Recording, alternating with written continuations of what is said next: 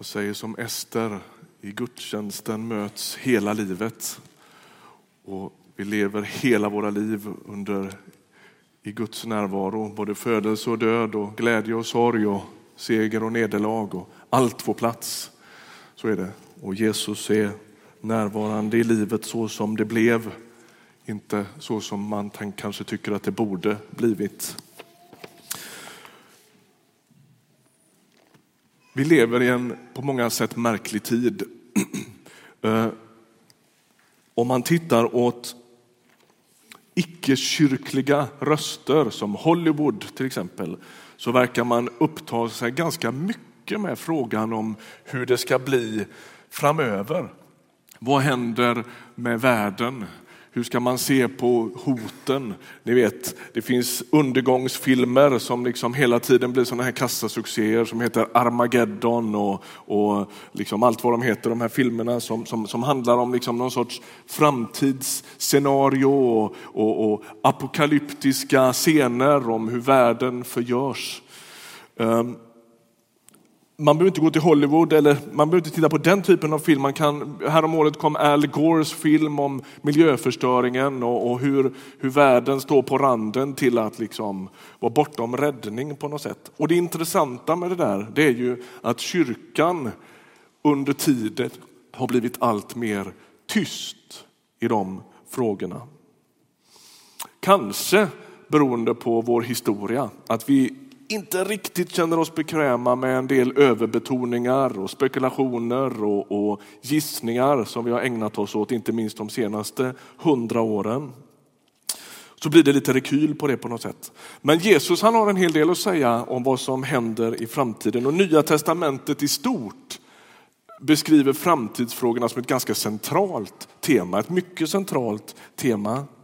Det går inte att tala om Jesus som Messias utan att samtidigt i gamla testamentet och i den, i den världsbild som, som Jesus samtida levde i så kan man inte tala om Jesus som Messias utan att samtidigt göra klart att han kommer att komma så småningom för att döma världen och ställa allting till rätta. Det ingår liksom i förväntningarna på en Messias. Nu ska vi läsa Två stycken korta textavsnitt när Jesus undervisar och båda är hämtade från Lukas 21 kapitel. Om du vill hänga med i din bibel så går du till Lukas 21. Vi lägger ju upp bibeltexterna på väggen här, men ett tips för dig som är lite van kyrkobesökare är att ta med en bibel. Det är ett tips. En vacker söndag kanske det inte ligger några texter på väggen. Man vet aldrig. Jag bara säger det. Lukas 21 och vers 25 så säger Jesus så här. Tecken ska visa sig i solen och månen och stjärnorna och på jorden ska hedningarna gripas av ångest och rådlöshet vid havets och vågornas dån. Människor ska förgås i skräck i väntan på vad som ska komma över världen, ty himlens makter ska skakas. Då ska man få se Människosonen komma på ett moln med makt och stor härlighet. När allt detta börjar, så räta på er och lyft era huvuden, ty er befrielse närmar sig. Och så läser jag från vers 34. Var på er vakt så att inte era sinnen fördunklas av omåttlighet och dryckenskap och livets bekymmer. Annars överraskas ni av den dagen som av en snara, för den ska komma över alla som bor på jorden. Håll er vakna hela tiden och be att ni får kraft att undfly det som väntar och att ni kan stå upprätta inför Människosonen. Vad säger Jesus när han talar om att tiden är utmätt? Alltså vi med våra 2014 års ögon, vi tänker att det omedelbart betyder att vi skulle behöva skynda oss lite mer. Men det är inte det han säger. Utan när Jesus undervisar om att tiden är utmätt eller att, att det finns en sorts framtidsscenario som beskrivs på det här sättet, då säger han att det kräver en sorts ny inre hållning. Ibland så har vi pratat om att Jesus ska komma tillbaka som en sorts uppmaning att skynda oss. Och så har det fått oss att drabbas av oro, det har inte så sällan skapat fruktan i våra liv. Det har liksom handlat om brådska på något sätt. Vi ska fundera över om det verkligen är det som Jesus vill att vi ska höra. Peter Halldorf, som många av er känner, som finns här i, i Linköpingstrakten. Han skriver i en av sina böcker om vårt förhållande till tiden. Och tycker det här är klokt skrivet. Han säger så här. Den som är tidens fånge jagar anfodd för att fånga dagen. Det gäller att leva medan tid är. Snart har tidens timglas runnit ut. När tiden uppfattas som ett timglas som obönhörligt rinner ut, då blir det genast bråttom. Det gäller att vinna tid. Hur gör man det? Genom att leva snabbare. Livslyckan hänger då på hur mycket som hinner pressas in mellan dess början och dess slut. Och dagarna i almanackan blir en hjärtskärande påminnelse om att allt försvinner. Slutcitat. Om man frågar sociologer, man har liksom funderat över vilket ord skulle bäst beskriva 1900-talet och ni förstår att det finns många olika ord att välja på som har med teknik och, och, och, inte minst krig och våld och övergrepp och det finns många sätt att beskriva 1900-talet på. Sociologer menar att kanske inget annat ord fångar 1900-talet bättre än ordet fortare. Allt går fortare. Dels teknik och kommunikationen men också synen på tiden. Det blir liksom allt mer bråttom. Men Jesus han verkar inte driva åt det hållet. Och det finns ett tydligt skäl till varför Jesus inte driver åt det hållet. Varför han inte säger skynda er och skruva upp tempot lite mer. Han säger inte det. Och det beror på att tiden, lyssna nu, tiden är inte den kristnes fiende utan tiden ligger i Guds hand. Tiden bestämmer Gud över och tiden är inget hot för den som följer Jesus. Den ligger i hans hand. Jesus är herre över tiden och Jesu uppmaningar i den här texten, de andas inte panik, de andas inte stress, utan snarare en sorts nykterhet och uppmanar oss till tre saker. Det kommer bli en klassisk trepunktspredikan idag för dig som har, jag vet inte om folk går runt och väntar på sånt. Det är väl bara predikanter som tänker på sånt. Men i alla fall, det första, räta på er och lyft era huvuden Det är det första Jesus säger i den här texten. Han berättar att det kommer att bli allt mer ångestfyllt i världen. Människor ska gripas av panik eftersom allt verkar förlora kontrollen. Det är inte så svårt att se det, eller hur? Igår var det braskande löpsedlar om en litet barn som har åkt 100 mil på buss i Mali och visar sig vara ebolasmittad. Hur många människor har hon hunnit träffa? Alltså det drabb, det, människor grips av panik, såklart. Fullständigt självklart, så blir det. Men Jesus säger inte att vi ska vända bort våra huvuden. Är du med? Vi ska inte vända bort våra huvuden. Det har en del teologi gjort genom århundradena, inte minst vårt de senaste hundra åren. Och vi har pratat i termer ungefär så här, vi ska ju ändå lämna det här sjunkande skeppet, vi kan lika gärna låta alltihopa gå åt skogen. Så får Jesus börja om från början. Det är fel. Och det är obibliskt. Och det är inte Jesus likt. Men han säger att mitt i Aktuellt-sändningarna om ebolasmittor, om förfärligheter, om krig, om Syrien, om Ukraina och så vidare och så vidare så behöver du inte drabbas av ångest och panik utan du kan räta på huvudet och ryggen i frimodighet därför att Gud har inte tappat kontrollen.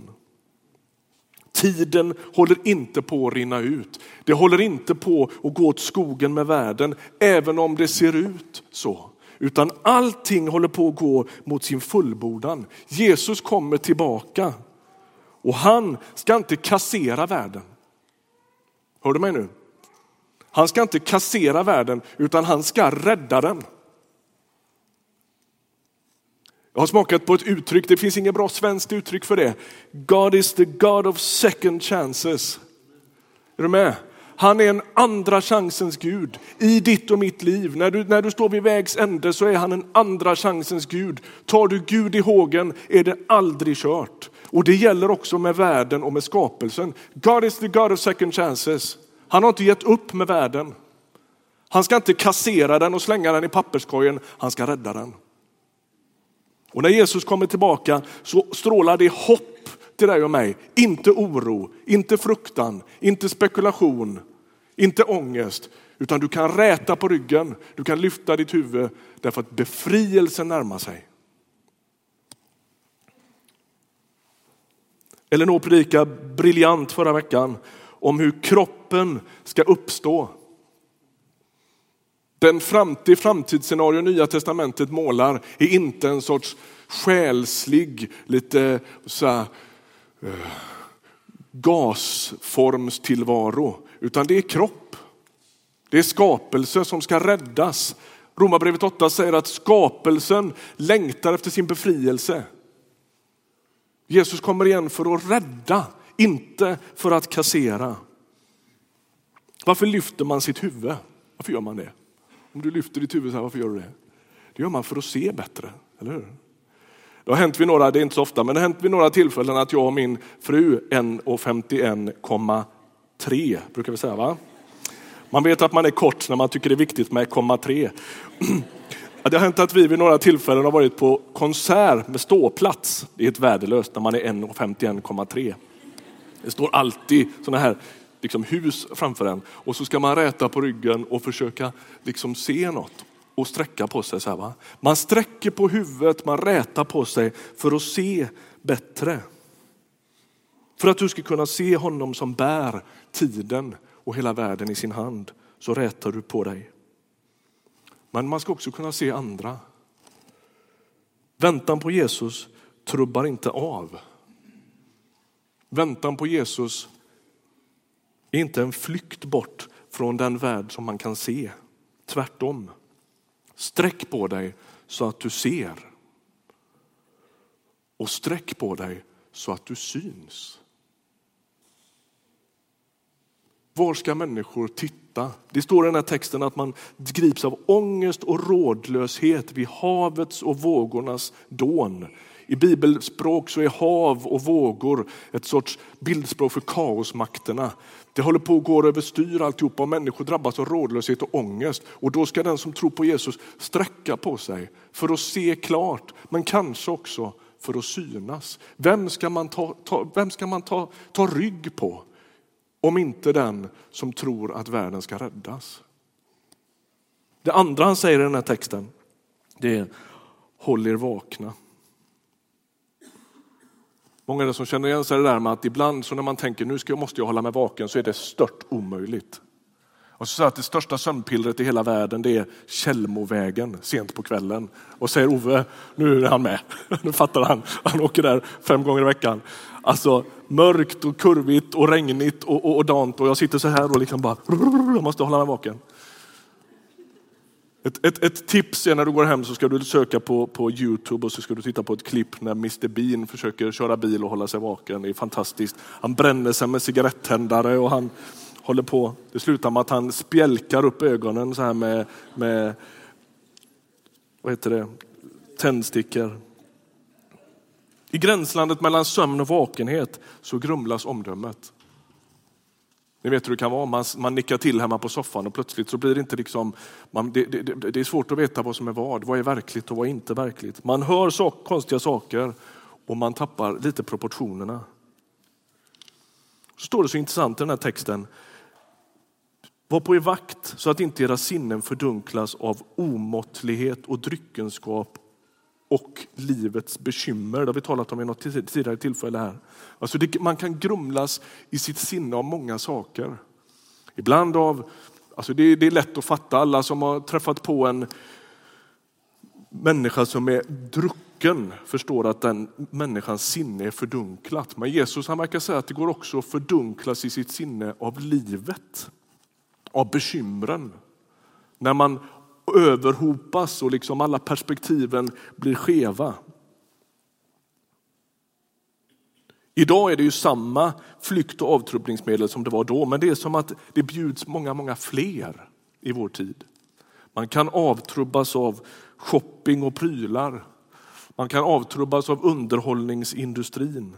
Livet i västerlandet är ju megafullt av distraktioner. Och så verkar det som att alltihopa det här liksom har samma effekt på oss. Det dunklar våra sinnen. Och så talar Jesus om att vara på sin vakt. Det finns faror i bekymren och de där farorna har med sinnet att göra. Ett fördunklat sinne missar det som är viktigt. Ett fördunklat sinne fattar felaktiga beslut och lever liksom ett liv utan fokus. Och då blir inte frågan om bekymmer endast en välbefinnande fråga. Du vet, vi kanske skulle behöva bekymra oss lite mindre så att vi mår lite bättre. Ja, det är sant. Men här öppnas ett annat perspektiv också. Här kommer bekymren faktiskt att bli något av en frälsnings och evighetsfråga. Man kan övermannas av sina bekymmer så att man tappar liksom fotfästet och man tappar blicken blicken och perspektiven. Och då blir det riktigt allvarligt. Och det som behövs är klarsyn. En sorts profetisk blick. Kanske låter som ett flummigt och konstigt uttryck om du inte är kyrkvan. Men alltså en sorts blick som är märkt av klarsyn och en sorts Guds Guds klarsyn för att förstå vad som är viktigt och vad som inte är viktigt. Det finns en liten vers bara i förbifarten i första krönikeboken kapitel 12. Det står uppräknat stammar som ska vara med i en strid. Och det är muskelkraft och det är vapenföra män och det är allt möjligt som står uppräknat där och 10 000 där och 3 000 där. Och så står det lite i förbifarten så här i vers 32. Från Isaskars stam de som kunde tyda tidens tecken och insåg vad Israel borde göra. Intressant text. Mitt bland alla de här stridsberedda liksom, soldaterna så fanns det en grupp vars bidrag var att de hade en sorts klarsyn. De förstod tidens tecken och vad Israel borde göra.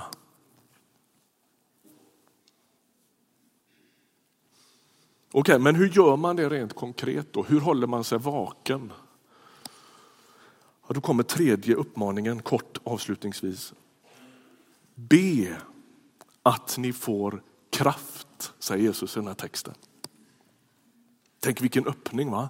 Det är som ett sorts svar. Hur reser man på sig och hur håller man sig vaken? Jo, det gör man genom att man ber. Genom att du kopplar upp dig mot en annan eh, blick, en annan framtidshorisont, en annan klarsyn. Där man kan liksom vårda sin räta rygg, där man kan vårda sitt resta huvud och där man kan vårda sin klarsyn på något sätt genom att koppla samman med Guds verklighet. Och be, säger han, att ni får kraft. Det är trösterikt att veta att det hänger inte på vår egen förmåga att hålla fokus, utan man kan utbe sig om en sorts inre resning och beredskap. Så när allt verkar tappa i stadga, allt ser ut att gå sönder, hela världen ser ut att fullständigt gå över ända, då kan man be Gud om kraft. Och den där kraften, det är inte bara, eller vad säger endast en kraft för att stå ut. Det är inte endast en kraft för att du själv ska överleva eller nätt och jämt orka, utan en kraft att göra Guds vilja. Det är en kraft att våga följa Jesus i både ord och handling när stora delar av omgivningen står förlamade och kraftlösa.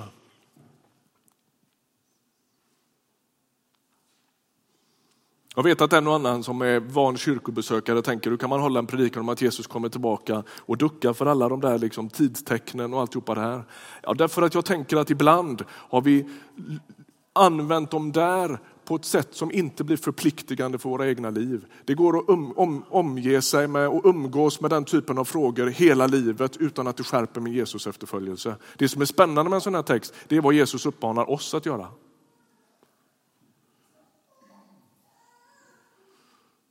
Och det han uppmanar oss att göra det är att ha en sorts inre resning. Avslutningsvis, sammanfattningsvis kan man säga så här. Bön blir en sorts nyckel i det vi försöker säga idag. Lev nära.